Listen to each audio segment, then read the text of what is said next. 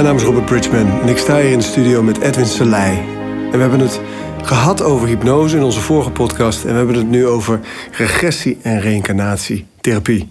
En wat daar de effecten van zijn. Ja, nou, mijn naam is Edwin. Ik ben eigenaar van Hypnose Instituut Nederland. Uh, samen met Robert uh, regressie- en reïncarnatieopleiding geven. Super cool om, uh, om te doen. Ik heb daar natuurlijk mijn visie over. Maar ik ben heel benieuwd naar jouw visie. Hè? Dus ja, gewoon even heel globaal. Hè? Dus even los van regressie en reïncarnatie. Hoe zie jij, nou ja het leven en het levenspad. Of misschien, zoals jij dat ook altijd zo mooi zegt, je zielenpad en je zielenmissie. Hoe, wat is jouw visie daarop? Nou, er zijn voor mij twee waarheden daarin. En eentje daarvan is een waarheid die, um, die ik die, Deepak Chopra hoorde zeggen. alles wat je, geloof, wat je gelooft is waar. Ik denk dat het uiteindelijk de waarheid is. Als je uiteindelijk gelooft dat je uh, terugkomt nadat je doodgaat, dan is dat waar. Als je gelooft dat je uh, in de hemel komt, is het waar. Als je gelooft dat je niet meer terugkomt en verdwijnt, is dat ook waar. Maar dat geloven is natuurlijk niet iets wat je zomaar bedenkt, daar weet je alles van. Dat is wat diep in je overtuigingssysteem verankerd zit. En als ik kijk naar wat het heersende overtuigingssysteem op aarde is, even los van het, het geloof vanuit religies, van hemel en, en aarde, maar wat daaronder ligt en wat we zeg maar duizenden jaren hebben geloofd, en die, die, die, ja, die, die, na duizend jaar religie, zeg maar, die heeft daar een klein laagje overheen gelegd. Maar het is natuurlijk niet, het is natuurlijk verwaarloosbaar. De hemel en de hel uit, het, uit islam en het christendom. Het is verwaarloosbaar ten opzichte van duizenden jaren uh, van het andere geloofssysteem. Dan is het heersende geloofssysteem van de mensheid, is dat we um, een ziel zijn die zich afgescheiden heeft van de eenheid. Uh, die op een soort zielenreis is terug naar de eenheid. En, en in die reis zit een evolutie en zitten, er zitten ervaringen. En telkens weer neemt zo'n ziel een lichaam aan, een fysiek lichaam, een emotioneel lichaam en een mentaal lichaam, als voertuig om zo'n ervaring te ervaren. En in deze dimensie in elk geval. Er zijn ook andere dimensies waar zo'n ziel eh, terecht kan, waar misschien helemaal geen fysiek lichaam nodig is. Waar dus een andere trilling is, een andere dichtheid is. En uiteindelijk is dat wat je als mens uh, aan het doen bent. Je bent de, de ervaring van je ziel aan het leven. En die ziel die werkt door je heen. Daarin heb je wel keuze. Je hebt een, een, een, een uh, ergens een, een, keuze. Ga ik met mijn zielsmissie? Uh, volg ik die? Of, um, of niet? En ga ik een hele andere richting op? Het kan. Nou, wat gebeurt er? Je wordt geboren. Je zielsmissie is kraakhelder. Hè? Die ziel die heeft uh, over levens heen een bepaalde lijn. Die, je zielsmissie is kraakhelder. En je gaat vervolgens aan de slag met het leven. Er overkomt je van alles, er gebeurt je van alles. Je maakt beslissingen. Je gaat naar links, je gaat naar rechts. En de uitnodiging is om uiteindelijk weer, met alle lessen die je hebt gehad, op het pad terug te komen. Op het moment dat je op het pad van je ziel terugkomt, je zielsmissie weer gaat ervaren dan, wordt het ook, dan heb je je ziel ook als het ware in je rug. En dan wordt het leven ook magisch. En dan ontvouwt het zich. Dan komen de juiste mensen tegen. En dan gebeuren de juiste dingen. En dan, dan, is, het, dan is er geen angst meer. Dan is het echt vanuit flow en vanuit liefde. En, um, en dan ga je dood. En vervolgens uh, heb je uh, weer zo'n ervaring. Waarbij, en dat is het lastige hieraan, tijd en ruimte eigenlijk niet bestaat. Dus het is het, het, het idee van lineair, van, vorige levens, nu en volgende levens, is eigenlijk een illusie. Als je al een vorm aan tijd zou kunnen geven, dan zou je die circulair moeten maken.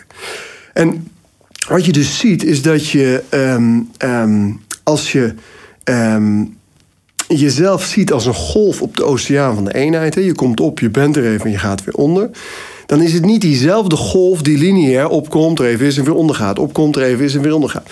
Nee, die golf die kan tegelijkertijd in heel veel verschillende dimensies zijn.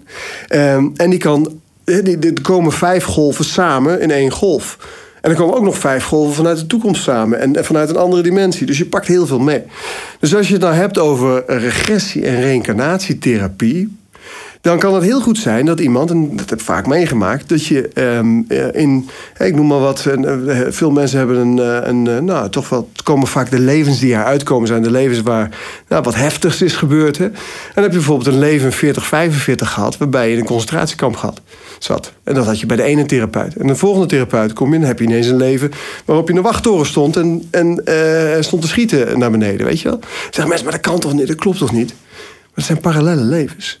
Want je ehm, je haalt stukken uit verschillende levens waar je uiteindelijk mee gaat werken. Dat zijn jouw stukken. En je wordt geboren met de wonden uit je vorige levens, uit de andere dimensies, die in dat leven gaat heen.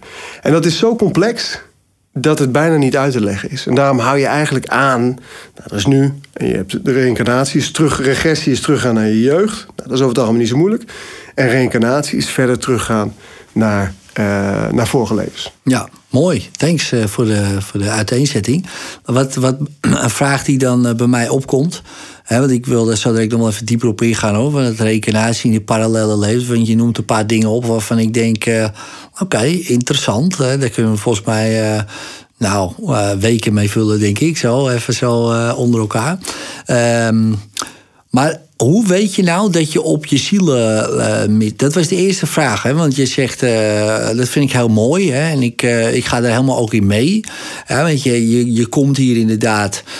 Nou ja, je ziel wil iets. Um, maar hoe weet je nou dat datgene wat je wil, dat dat je ziel is? Of dat het eigenlijk maar ja, jouw hypnose is, zeg maar. Dit is gewoon een suggestie.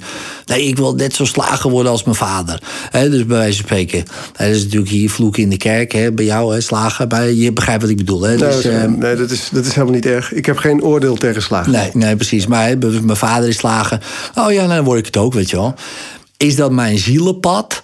Of Misschien zou dat kunnen hoor, maar of, ja, hoe weet ik dat nou? Nou ja, goed, dat is dan de vraag. Ja, nou, ik zeg altijd, je wordt geboren met twee zakken. In elke hand een zak. En in die ene zak uh, zit een GPS. En dat GPS, dat ingesteld staat door je ziel op deze missie. En je ziel heeft dat precies ingesteld. Je hoeft, je hoeft alleen maar te volgen om op je zielsmissie uit te komen. En op het moment dat je erop uitkomt, voel je dat ook, merk je dat ook. Dan is het, stroomt het leven, is het flow, wordt het magisch. Ja, hoe, hoe merk jij dat bijvoorbeeld? Want, dat, want jij hebt ook een interessant uh, leven gehad, weet je wel. Uh, uh, zie ik dan. Hè? Dus je, kwam ook, je hebt ook in de bouw gezeten. Hè? Ik ook. Hè? Dus, um, en ik, jij hebt ook een gigantische transformatie ondergaan. Nou, waarschijnlijk die, die, die man die in de bouw werkte... Ja, die zat niet op, dat, op de zielenpad. Daar kom je denk ik zo nog wel op met die andere zak, denk ik. Hoe was, wat was voor jou dan... en misschien dwalen we iets af, maar ik denk wel dat het belangrijk is. Hoe kwam jij nou eigenlijk op Hé, hey, wacht eens even, dit is mijn GPS, weet je wel. Dit voelt als mijn GPS. Want ik neem aan dat, dat je best wel lachen vond in de bouw, denk ik. Ja, ja en nee. Ja, nee. ik vond het wel leuk, maar het was geconditioneerd leuk. Weet je, want je hebt twee soorten... Kijk, de taal van de ziel is passie. Eh, werkelijke passie, en dan heb ik het niet over passie voor een, eh, voor een man of een vrouw, of passie voor een hobby, of passie voor postzegels verzamelen, maar die echte, diepe, intense passie die je voelt in je hele lichaam, waarvan je weet van dit, wauw, dit, die passie. Oké. Dat is de taal van de ziel. Die, die passie heeft een zo hoge trilling, um, dat hij heel dicht bij die ziel, hè, bij die liefdestrilling, bij die, die, die zielstrilling komt. En um, als je um, die passie volgt, dus de dingen gaan doen die je echt wil, vanuit authenticiteit, dan kom je op je zielsmissie. Die andere vorm van passie, dat is geconditioneerde passie. Dat is een passie van je denkt, nou, uh, ik, kan, ik kan me nog herinneren bijvoorbeeld dat ik bij een bedrijf werkte, was een jaar of 21, en toen wilde ik een opleiding gaan doen. En toen vroeg ik aan mijn toenmalige uh, directeur, ik zeg, wat voor opleiding zou ik dan gaan doen? Nou, zei hij, bij opleiding moet je altijd een aantal dingen in de gaten houden. Hij zegt, belangrijk is uh, wat zo'n opleiding, waar het toe leidt, wat je kunt verdienen. Uh, en maar het belangrijkste is eigenlijk dat je, je moet nu kijken, waar is over tien jaar het meest werkgelegenheid en dat moet je gaan doen. Dat is natuurlijk dat is ja, ja, de grootste onzin die er is. En dat is uh, geconditioneerde passie. Dus je, ik dacht, ik heb, ik heb eens een, er is een geluidsopname van mij uit die tijd dat ik ondernemer was in de bouw en dat ik uh, geld verdiende. En, en ik was alleen maar in, in, die geluidsopname vertel ik hoe het met me gaat. En het gaat alleen maar over geld. Het gaat alleen maar over de jongens dit. En uh, ik heb nu zoveel jongens en ik had 80 man en nu heb dit en nu. En, weet je, het is alleen maar dik doen. En ik dacht toen oprecht dat mijn passie was die snelle auto. Eh, dat mijn passie was dat grote bedrijven met zoveel mogelijk mensen, daarnaast zoveel mogelijk eh, deelneming. Dat dacht ik. Maar als jongetje wilde ik boswachter worden. Hmm. En ik was heel gevoelig. En ik had een, een kamertje met allemaal dingen van over de hele wereld. En een wereldbol. En dat vond ik gaaf. En dat is authentieke passie. Want hoe dichter je bij je geboorte komt, hoe, dichter je bij je blauwdruk komt. Hè, je blauwdruk waarmee je op aarde bent gezet. En hoe dichter je dus bij je zielspassie komt. Dus ik zeg ook altijd vaak tegen mensen in cursussen... als ze ehm, willen weten wie ze zijn... in, in blauwdruk in dit leven... Uh, ga eens praten met mensen uit je omgeving. Hoe jij was als, ga eens naar hoe jij was als kind. Wat, wat deed je toen? Ik neem zelf nu ook hè, dingen op voor mijn kinderen... zodat Ja, ze weten mooi, hoe zij ja. als kind waren. Want het leven overkomt je vervolgens. Ik was bijvoorbeeld boswachter, ik was met de wereld bezig, ik was heel erg bezig met het lijden. Ik kon niet tegen als eh, ongelijkheid in de wereld. Ik eh, kon er niet tegen dat wij heel rijk zijn en arme mensen heel, eh, andere mensen heel arm. Maar in die tijd was dat helemaal, in die bouwtijd was dat helemaal weg. Dus ik zat ehm, alles behalve op zielsmissie. Nou, er zijn een aantal dingen gebeurd. Hè. Nou, dat kun je in mijn boek allemaal wel lezen. En dan weet je, Ja. die verhalen ken je. Ehm, waardoor ik eh, eh, mijn, mijn, mijn bedrijf kwijtraakte. Mijn huwelijk strandde. En uiteindelijk ehm, ja, een, soort barst ontstond in mijn ego. Een soort barst in mijn conditionering. En daar kwam licht door. En toen, dat licht, dat herkende ik van vroeger, van als kind. Ik denk, nou, dit is dit. En toen dacht ik, als ik nu doorloop en weer een nieuwe, nieuwe baan ga zoeken of een nieuw bedrijf ga beginnen, dan blijf ik in een soort parallel leven le- leven als van wat ik eigenlijk zou moeten leven. Moeten tussen aanhalingstekens. En ik besloot om naar die barst toe te gaan en door die barst heen te gaan. En vanaf dat moment ben ik alleen nog maar gaan doen wat me echt passioneert. Dus ik, mijn passie was toen, ik wilde alles weten van de oorspronkelijke waarheid. Dus ik ging al die oervolken, eh, maar ook boeddhistische geschriften, hindoeïstische, eh, kabbalistische, sikhistische, Sikh- weet je, het, Ja. alles. Ik had, ik had een Kabbalah-leraar, ik had Tibetaans-boeddhistische leraar, ik was aan het mediteren, verpassen. Alles wat ik kon vinden, en nog steeds trouwens, alles wat ik kon vinden, shamanen die ik, eh, waarbij ik in de leer ben geweest. Alles wat ik kon vinden om, om die oerwaarheid, eh, waarheden terug te vinden, dat was mijn passie op dat moment. En toen ging ik naar Vietnam. Eh, want dat was mijn passie. Ik ben op een gegeven moment, samen met, met Monique, mijn huidige vrouw, ben ik naar Vietnam gegaan. We wisten niet wat we daar gingen doen. We hadden alleen gezegd, we doen wat ons echt passioneert. Want passie is de taal van de ziel. En dan kom ik op die andere zak. Want in die andere zak, daar zitten allerlei vaardigheden. En ehm, ehm, daar zitten allerlei ervaringen en herinneringen... die op het moment dat je je zielspassie leeft, van toepassing zijn. Weet je, toen ik in de, in, opgroeide en in de bouw was het heel lastig. Ik, kan, ik ben helderziend tot op een bepaalde hoogte. Dus ik kan aan mensen zien waar ze mee zitten. Ik zie overtuigingen, ik zie het overtuigingssysteem, Cool, ja. persoonlijkheden, eh, structuren, entiteiten, eh, trauma's, blokkades eh, en, en zo verder. Dat kan ik mijn hele leven al. Maar dat wist ik veel. Dus ik was dronken op een feestje. En dan zei ik tegen iemand... eh, lastig hè, dat jij eh, daar last van hebt. En zeiden mensen, wat, wat wil jij nou man? Snap je wat ik bedoel? Ja, ja. Dus dat was eigenlijk, eigenlijk een hele grote handicap. Ik was natuurlijk overgevoelig. Dus daarom werd ik ook heel dik. Ik moest mezelf heel erg beschermen in die harde bouwwereld. eh, eh, omdat ik veel te gevoelig was. Ik was, een, ik was natuurlijk gewoon een heel creatief, kwetsbaar jongetje vroeger. En ik ging, nou ja, goed, ik ging dat helemaal dichtmetselen, zeg maar. Dus ehm, toen ik naar Vietnam ging, toen bleek ineens dat die talenten, die kwetsbaarheid, die gevoeligheid, die helderziendheid, die heldervoelendheid. Ja, dat dat waanzinnige talenten waren. En ik, ging bij mijn energiemeesters in de leer gegaan om te leren hoe je met, met energie werkt, hoe je, hoe je lichamen heelt, hoe je met, met eh, stukken uit vorige levens werkt, hoe je, en zo. Allerlei technieken en methoden gaan onderzoeken. Ehm, en dat is eigenlijk mijn visie daarop. Je, het moment dat je geboren wordt, heb je in je ene hand dat GPS. Het staat ingesteld op zielsmissie, hoef je alleen maar te volgen. In je andere hand zit een zak met alles wat je nodig hebt onderweg. Alles heb je al bij je. En het enige wat je hoeft te doen is je zielspassie, hè, je authentieke passie te volgen. Maar daar is moed voor nodig. Want wat mensen doen, is niet voelen. Je, je bent jong als kind en dan ga je zeggen niet... oh, weet je, het lijkt mij zo gaaf om te gaan dansen. Of het lijkt mij zo gaaf om eh, te gaan schilderen. Of het lijkt mij zo gaaf om met kinderen in Afrika te gaan werken. Dat ga je allemaal niet doen, want er is geen rode rotzooi mee te verdienen, denk je dan. En er zijn maar een paar schilders die slagen en er zijn maar een paar... Hè, eh, enkelingen daar gelaten, uitzonderingen daar gelaten. Nee, je gaat kijken naar, wat, wat levert het met meeste status op, meeste geld, meeste werkgelegenheid. Wat doet mijn vader, wat doet mijn buurman, wat doet mijn oom.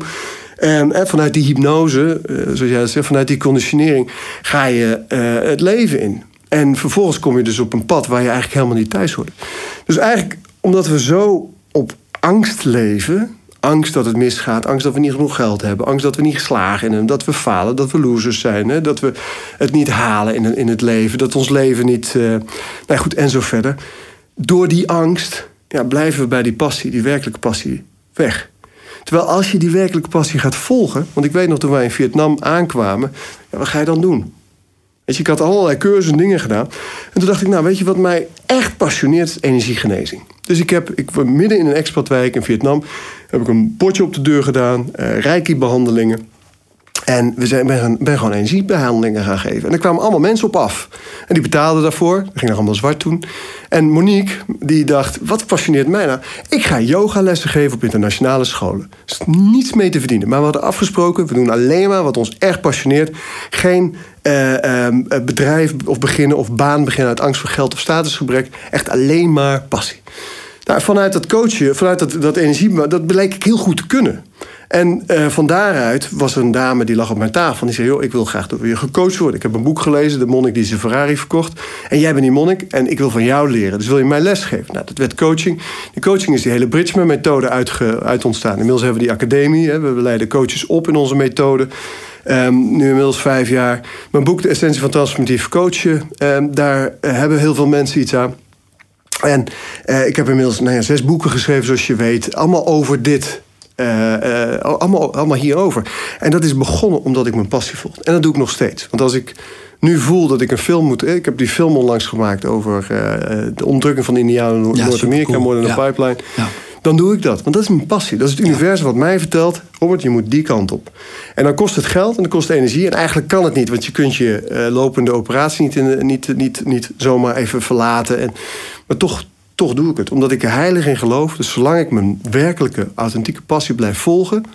dat het zich, dat zich ontvouwt. En dat alles wat ik nodig heb om bijvoorbeeld documentaire... zeggen, okay, documentaire, je bent er niet zomaar documentaire maken. Nee, dat klopt wel. Maar als het echt een authentieke passie is... dan heb ik het al eerder gedaan. En dan op de een of andere manier heb ik alles wat ik nodig heb... is er al. Nou, dat klopt dus ook. Ook de mensen die je nodig hebt, die komen dan gewoon op je pad. Ineens kwam ik Lex tegen, mijn cameraman, mijn vriend nu. En die zei, joh, ik ga met je mee, weet je wel. Dus dat is, dat is een lang antwoord op jouw vraag. Wat is nou het verschil tussen authentieke passie en geconditioneerde passie? En wat is, ja, wat, hoe, hoe, herken je nou wanneer iets zielspassie is? Ja. ja, precies. En dan zeg je wel iets moois. Hè? Dus, uh, want uh, jij doet het gewoon. Hè? Dus, uh, en zo zijn er nog misschien drie mensen uh, in Nederland die zoiets doen. Nou, misschien wel iets meer. Maar het overgrote deel doet dat gewoon echt niet. Want jij hebt het over twee zakken. Ja, ik denk dan, ja, ik denk wel bijna wel drie zakken. Want oké, ik heb hier mijn GPS, ik heb hier die vaardigheden, maar ik heb ook nog een rugzak met allemaal shit. En uh, ja, die, uh, die vergt de meeste energie voor mij. Ik heb niet eens een idee dat ik nog twee andere zakken heb, voor de meeste. Um, en want hoe, hoe zie jij dat? Want kijk, jij hè, bent ook een ziel in ontwikkeling, hè, zoals dan wij allemaal. Hè, um, in jouw mooie zienswijze, zielswijze zou je kunnen zeggen. Um, maar goed, we hebben dus ook allerlei ervaringen nemen we mee. Niet alleen de ervaringen en de vaardigheden die we nodig hebben voor ons uh, pad. Wat ik een hele mooie vind eigenlijk. De mooie uitspraak wat je net zei.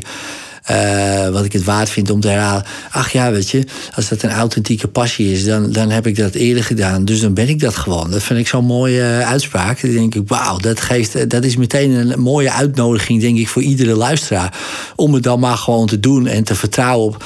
Ja, jongen, je hebt gewoon die vaardigheden al. Want anders zou je dat nooit kunnen voelen of zo. Dat vind ik echt een, vond ik echt een hele mooie. Maar goed, daarna komen vaak natuurlijk, nou ja, je weet je die gedachte, waar je eigenlijk ook zegt, ja, ik kan er niet zomaar dat doen. En maar ik kan er niet, ja, maar wie ben ik? Of whatever, nou, die geconditioneerde dingen. Uh, want, want jij helpt mensen hè, met, jou, uh, met jouw methode, met, die ja, heel uitgebreid is. Hè, echt heel veel facetten uh, doe jij. Maar als we even heel teruggaan naar reïncarnatietherapie. hoe zie jij dat dan? Hè? Stel voor, ik, ik kom bij jou, ik, ja, ik heb wel een soort van gevoel van ja, ik zou dit willen doen, maar ja, nou ja, iets houdt me tegen. Hoe, hoe, hoe kijk jij dat dan aan? Uh?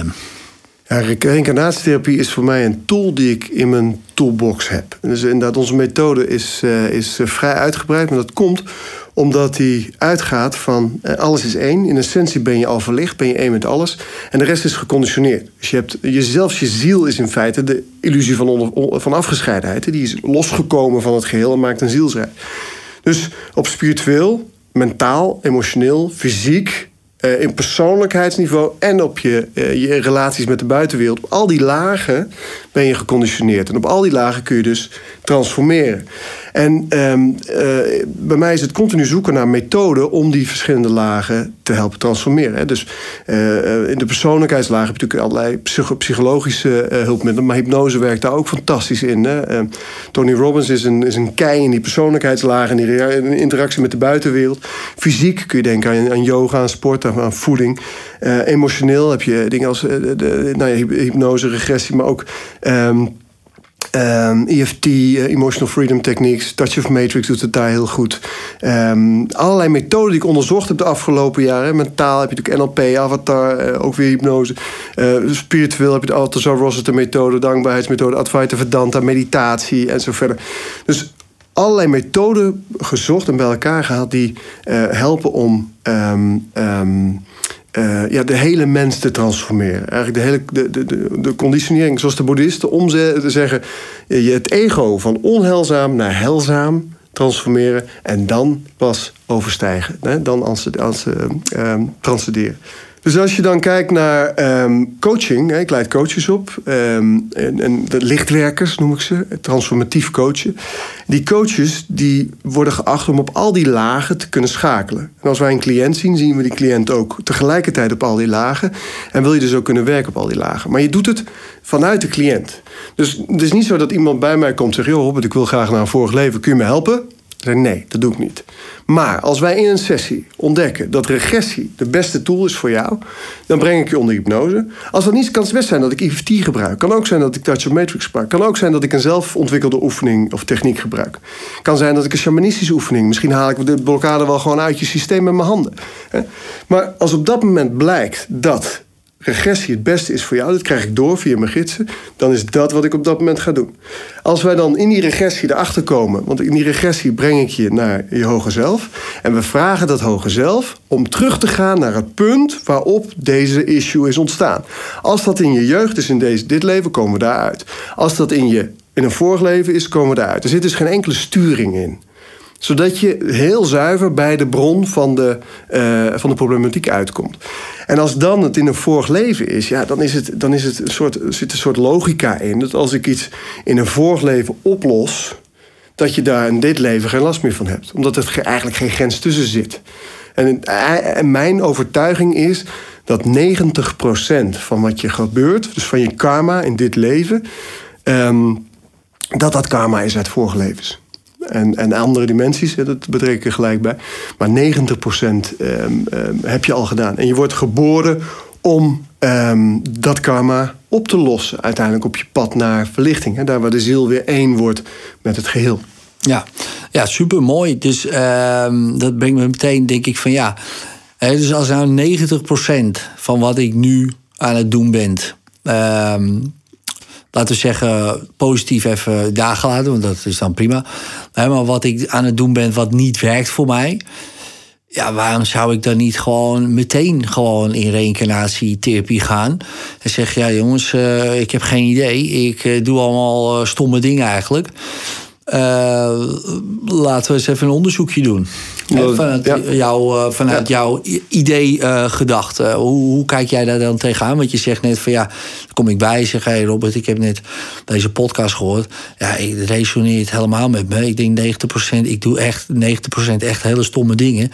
Uh, kunnen we niet even op onderzoek uit? Want ja, weet je, ik weet echt niet waar het vandaan komt, weet je wel. Dus hoe, hoe wat zou jij dan zeggen? Het is niet nodig om altijd te weten waar het vandaan komt. Alles is nu. Alles gebeurt in dit nu. Dus um, methode bijvoorbeeld... Uh, Gunther de Jong, een vriend van me... die heeft Touch of Matrix ontwikkeld. Uh, is een Nederlandse methode, maar is briljant. Het is echt een briljante methode. Het is een intentiegenezing... waarbij je um, um, eigenlijk met, door heel simpel je aan te sluiten op de eenheid, op het veld... pad bepaalde stukken gewoon kunt, kunt transformeren. En informatie, hè, ervan uitgaan dat we in een matrix leven, waar energie en informatie voorhanden is. Alles is al nu. Uh, jij vertelde in de vorige, vorige podcast ook over het channelen van, van andere energieën. Daar werkt Touch of Matrix heeft het helemaal uitgewerkt.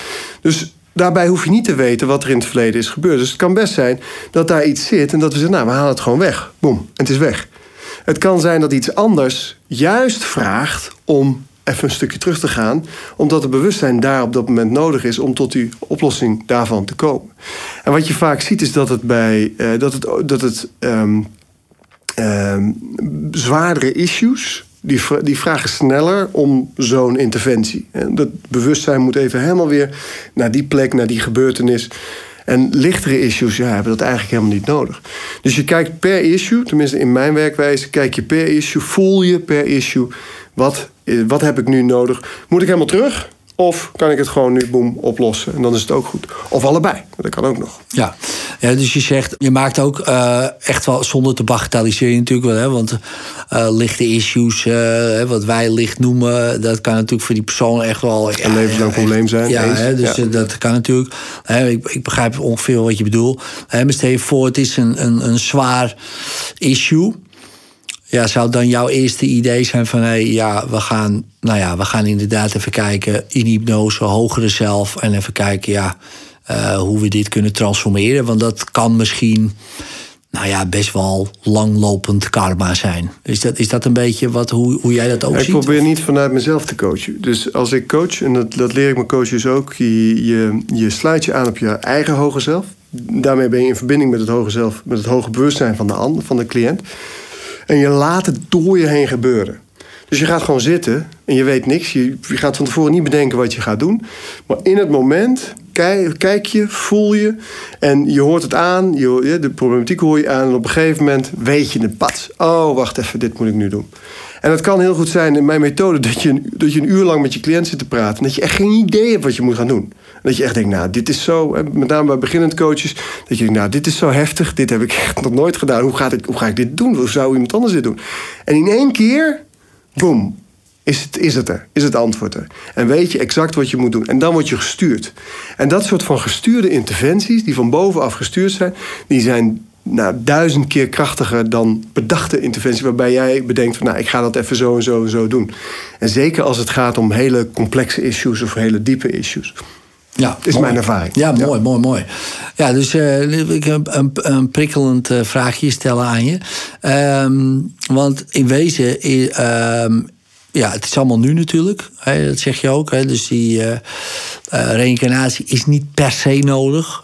Touch of Matrix, zei je al. EFT, of een goed gesprek, of wat dan ook, of zo, boom. Dus stel je nou voor... Um, ja, als alles toch nu is en iemand ervaart dat nu... zouden we dan niet altijd gewoon hetzelfde kunnen doen? Want je zegt, je kan gestuurd worden... Dat kan, maar we kunnen die cliënt, hè, dus nu ga ik even de andere kant op, natuurlijk ook zo beïnvloeden uh, dat hij natuurlijk zelf die change maakt. En dan maakt die techniek ook niet uit. Uh, want dan kunnen we hem. Ik, ik, kijk altijd vanuit de hypnose uh, mind. Want omdat ik denk, ja, ik doe helemaal niks. Die cliënt doet het allemaal zelf. Die doet het nu zelf, dus die kan het ook zelf. Dus wat nou? Dus, dus dan, dan denk ik van ik kan in wezen iedere techniek dan gebruiken, zolang die cliënt maar gelooft dat het werkt. Uiteindelijk is dat de waarheid. Ja. Dus dan zou je kunnen zeggen, ja, maakt het nog uit bijna wat je doet. Zolang de cliënt het natuurlijk gelooft. Stel je voor dat wij een trucje zouden hebben, wat iedereen tot op het tot op zijn diepst, tot in zijn ziel zou geloven. En dat trucje werkt altijd. Dan zou dat, uh, dan zou dat de truc zijn. Ja. Absoluut. En dan zou je daarmee iedereen kunnen genezen. Alleen zo werken we niet, omdat we allemaal met verschillende overtuigingssystemen zitten, uh, verschillende programmering, conditioneringen, uh, verschillende lessen. Dus je, je zit gewoon met. Um, um, uh, met, met, dat je bepaalde dingen op een bepaalde manier doet, omdat, daar, ja, omdat het dan pas in het inklikt in het systeem van je cliënt. Waarbij de cliënt altijd het uitgangspunt is. Ja.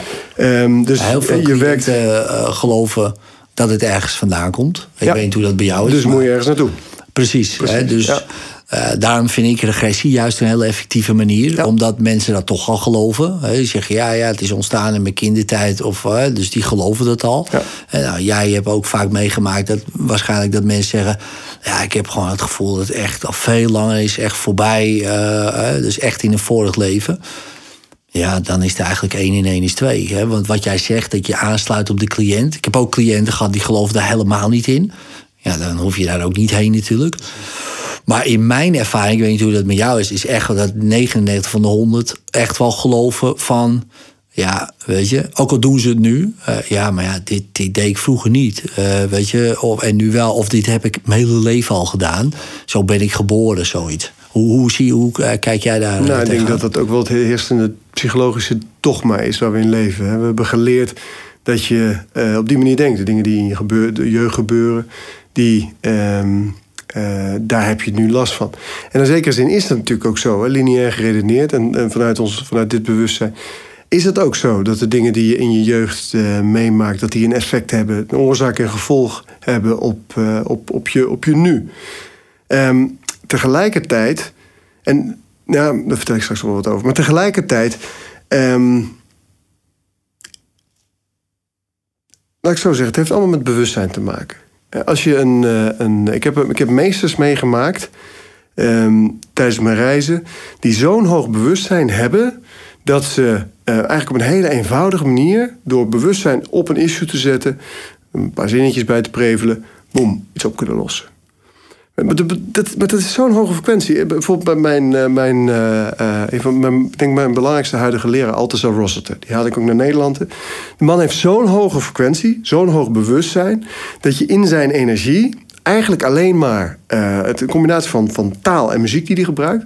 Maar het is zo, uh, die trilling is zo hoog dat er allerlei zaken spontaan gebeuren. Dus mensen krijgen spontaan regressies, spontaan. Of iets komt eruit, met, met, met, met op wat voor manier dan ook. Hè, dat is per persoon ook verschillend. Uh, en lost ineens op. En je hebt geen idee wat het was. Je zult het ook nooit weten. Dat hoeft ook niet. Of je komt in een herinnering en, waar je juist wel beelden bij hebt. Maar dat heeft te maken met die trilling. Dus hoe hoger de trilling is, Um, hoe makkelijker het, het, oplost. Dus als je zegt, nou, um, de trilling is laag, uh, ja, dan, heb je, dan, uh, dan ga je naar een psycholoog bijvoorbeeld. Hè. Dan, dan zit, je heel, je in dat praten en dat denken. Um, als je trilling iets hoger is, dan kom je bijvoorbeeld in EFT. Met het tappen op acupunctuurpunten is nog heel erg fysiek. Hè. Is een hele goede methode, werkt heel goed, maar is nog heel erg ja, op een fysieke trilling, waarbij je, het is geen goed of fout. Ga je naar hypnose toe, dan kom je op een mentale trilling. Dus die trilling die is hoger. Maar ga je naar um, um, zeg maar het energiewerk toe en, die, die, die meesters, die shamanen, en die, dan kom je op een punt waarop het allemaal weer totaal anders werkt. Dus het maakt niet uit wat je gebruikt. Het is jou, hè, jij als healer en uh, de cliënt waar je mee werkt. De trilling daar, die bepaalt uiteindelijk wat het beste werkt. En dan krijg je vanzelf door als, als coach of therapeut. En um, bij mij is het, is het elke sessie weer anders. Maar ik merk wel dat tegenwoordig... Ik, 80% van mijn sessies uh, gebruik ik tegenwoordig regressie. Dat ik gewoon een hele fijne manier vind. Heel begrijpelijk voor mensen. Ik vind het ook altijd interessant om met mensen terug te gaan. Te kijken wat er nou allemaal weer uh, uh, gebeurt en zit, weet je wel. En um, ik denk ook dat je daarmee als professional... de mensen aantrekt die bij jou passen. En, om even de, het antwoord af te, af te ronden. Jij trekt bepaalde mensen aan, die passen bij jou. Um, Tony Robbins trekt mensen aan die bij hem passen. Altijd die pas, trekt mensen aan die bij hem passen. Um, Eckhart Tolle die trekt weer heel andere mensen aan die bij hem passen. Ik trek weer mensen aan die bij mij passen. En de mensen die wij opleiden trekken weer mensen aan die bij hun passen. Dus er is niet één uh, antwoord op die vraag. Er is niet één werkelijkheid waarvan je kunt zeggen, nou, die, die, als je, het zit zo in elkaar zo, als je dat volgt, dan kom je. Ja, mooi. Ja, ja dus um, nou ja, dat, dat, herken ik. Hè. Ik bedoel, mijn uh, cursisten die hebben ook een hele andere doelgroep trekkers aan dan, dan ik zelf. Dat, is, dat ervaar jij natuurlijk ook zo. Um, nou ja, wij gaan natuurlijk samen een opleiding geven. Daar heb ik echt uh, heel veel zin in. Dat ja, lijkt me echt uh, super ook. te gek, weet je wel. Uh, jij zegt 80% doe ik regressie. Ik denk dat ik ook wel zoiets doe. 80, misschien wel 90% regressie. Ehm, dat is niet voor niks natuurlijk. Dat is denk ik toch wel. Uh, je, hebt, je hebt zoveel tools tot je beschikking en toch kies je voor 80% regressie. Het is de wet van Pareto, hè, dus de, de 80-20 wet. Uh, ja, je gebruikt toch dan. Ja, wat, wat, waar, ja, waar toch een beetje je, je hart ligt misschien. Of dat je denkt, uh, vond ik ook wel mooi wat je zei van... Ja, ik vind het wel even leuk om te weten wat die mensen dan meemaken. Heb ik ook, weet je, diezelfde nieuwsgierigheid. Je een op reis, Een beetje zo'n Henk van de Meiden idee, uh, noem ik het altijd. Uh, zo van, oh, toch even weten wat er allemaal gebeurd is. Ik vind dat fascinerend, omdat ik ook zo mijn eigen werkelijkheid een beetje in kaart kan brengen. Van, oh ja, dus dat gebeurt daarmee en dat. En dan zie je hele interessante correlaties. En sommige ook echt heel apart. Dat je denkt, hé, hoe kan dat nou tot dat leiden? En dat geeft voor mezelf een heel verruimend uh, model van de wereld. als ik alleen maar, uh, maar dat spreek ik nu gewoon voor mezelf. Ik heb ook Reiki gedaan, weet je wel, deed ik energie. Ja, dat bevredigde niet mijn nieuwsgierigheid, weet je wel. Ik vond het wel super interessant. Ik heb daar heel veel van geleerd. Maar agressie bevredigt nog steeds mijn nieuwsgierigheid. Reïncarnatie ook, denk ik. hoe kan je dat nou daar beslissen en dan dit resultaat? En op een gegeven moment dan. Ja, het verruimt gewoon enorm je model van de wereld, vind ik. Uh, hoe, uh, ja, hoe, hoe zie jij dat? Ehm, ja, eens, eens. En je kunt het, en dat doe ik ook, want ik gebruik het voor 80%, maar combineer het met zoveel andere methoden dus je, het, leent zich. Want als je eenmaal ergens bent, dan kun je allerlei methoden gebruiken. Ik had het net over ja. Dutch of shamanistische methoden of een vergevings. Ik noem het LDV, liefde, dankbaarheid en vergeving. Ja, mooi. Um, of een um, uh, EFT, wat, wat dan ook werkt op dat moment, in die regressie. En dan wordt zo'n regressie een magische reis. Want je leert zoveel over hoe het werkt, leven en dood. Want je gaat met mensen terug naar een overlijdensmoment. Je, je gaat mee in die levens. Eh, je leert hoe mensen in de middeleeuwen leefden. Je leert hoe mensen in de renaissance leefden. Eh, je, leert, je komt in andere dimensies. Je maakt eh, lichtwezens en engelen mee. Wat het ook is dat in het geloofssysteem van die, van die persoon past. Uh, ja, het heeft zo verschrikkelijk veel aspecten. dus ik denk dat het en het is een fantastische tool die ook nog combineerbaar is met allerlei andere tools. Die enorm uh, interessant is en jou als coach een enorm, of als lichtwerker, een enorm breed beeld geeft van wat wat hoe de werkelijkheid in elkaar zit. Ja, daarom heb ik jou ook gevraagd om die opleiding samen te geven. Dat gun ik elke lichtwerker. En ik zie zoveel lichtwerkers die, eh, en coaches en therapeuten en psychologen en healers... die elke keer weer tot een bepaald punt komen. En niet verder. Weet je, en dan hebben ze allerlei methoden, technieken... en dan bij die... Ah, kom maar niet. Terwijl op het moment dat je, dat je zo'n krachtige tool als deze ook kunt gebruiken... Ja, dan, dat geeft je de middelen om, om, en de mogelijkheid om, uh, om eh, echt te, door, te doorgronden en te ontwortelen. Cool. Ik heb er zin in. Ik ook. Thanks man. Dankjewel. Dank je. En dank voor je aandacht.